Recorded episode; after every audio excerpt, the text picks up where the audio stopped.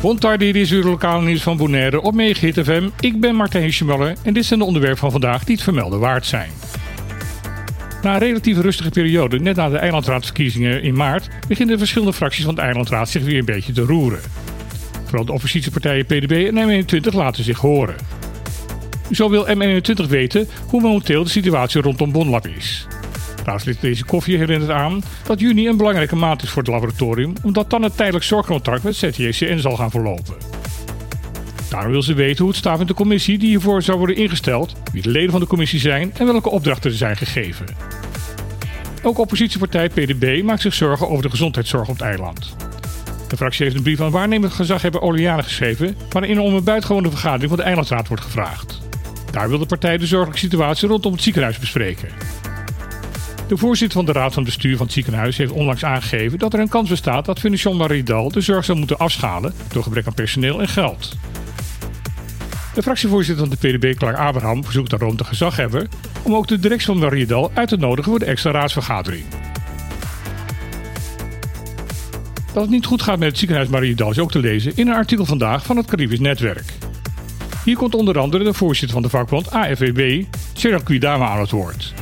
Hij vertelt dat er meerdere personeelsleden van Fundación Mariedal zijn die meerdere banen moeten hebben om financieel rond te kunnen komen. Ook zegt hij dat de voedselbank op Bonaire steeds vaker personeelsleden van het ziekenhuis zien langskomen. Ze hebben deze steun nodig om hun kinderen te eten te geven. Quidama spreekt er schande van dat het ziekenhuispersoneel dat uit Europees Nederland gehaald wordt aanzienlijk meer verdient dan hun collega's die hun domicilie op Bonaire hebben. Dit levert veel stress op onder het personeel en daardoor is er ook veel uitval door ziekteverlof. Deze misstanden moeten daarom ook snel opgelost worden, vindt de vakbondleider. Een stap in de goede richting is volgens hem de onderhandelingen die pas hebben plaatsgevonden op Sint Maarten. Het doel van deze gesprekken was om te komen tot een zorg-CEO die voor alle BES-eilanders moet gaan gelden. Hierbij is het uitgangspunt dat al het zorgpersoneel gelijke beloningen zal krijgen bij gelijkwaardig werk. Omdat de huidige eilandsgriffier Suzelle Pieter per 1 juni officieel haar functie zal neerleggen, is er gisteren een nieuwe griffier beëdigd. De bekende eilandspersoonlijkheid Arjen de Wolf is bereid gevonden om deze functie op tijdelijke basis in te vullen. Volgens eigen zeggen zal dit maximaal voor een periode van 1 jaar zijn. In deze tijd zal de eilandsraad dus op zoek moeten naar een definitieve invulling van deze functie. De Wolf is jurist en onder andere werkzaam geweest als ambtelijke secretaris in de Tweede Kamer in Den Haag. De eilandsgriffier is een belangrijke ambtelijke functie binnen het bestuursapparaat van het eiland. De griffier ondersteunt de eilandsraad en de volksvertegenwoordigers. Archivering van het democratisch proces binnen het eilandsraad is daarbij een belangrijk onderdeel. Daarnaast checkt de griffier de wettelijke kaders waarbinnen het proces moet plaatsvinden en er zijn de organisatorische taken bij de griffier neergelegd. Waarom de huidige griffier Giselle Pieter naar het lijkt vrij plotseling vertrekt is niet geheel duidelijk. Ze werd in september 2020 in deze functie beëdigd en heeft daarvoor bij RCN gewerkt. Vorig jaar kwam ze in het nieuws toen zij in haar functie constateerde dat de stemmingen in de Eilandsraad over de invoering van de nieuwe toeristenbelasting niet goed zou zijn verlopen. Volgens haar moest daarom de stemming hierover opnieuw plaatsvinden.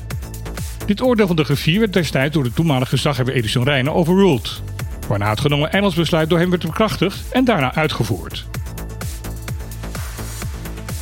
Al jaren wordt er geklaagd dat er geen belangstelling is bij de Nederlandse media voor de situatie op de drie BES-eilanden.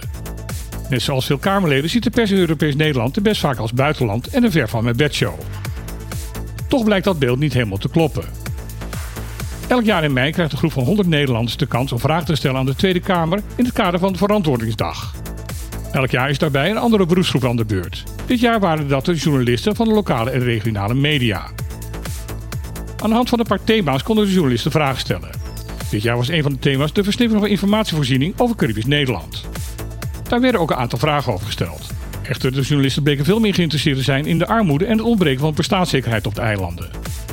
Uit de vragen bleek ook dat de lokale en regionale pers veel beter op de hoogte is van de situatie in de Cariben dan tot nu toe werd aangenomen. Een van de constateringen van de journalisten was dat door de versnippering van de informatie over alle verschillende ministeries het vinden van de juiste informatie erg lastig blijkt te zijn. Voorzitter van de Tweede Kamer, Vera Bergman, heeft beloofd om alle vragen door te geven aan de verantwoordelijke bewindspersonen. Ze beloofde daarbij ook dat alle vragen beantwoord zullen gaan worden. Dit was weer het lokaal nieuws van vandaag op Megahit FM. We wensen iedereen een inhoudsvolle dag toe. Dan heel graag weer. Tot morgen.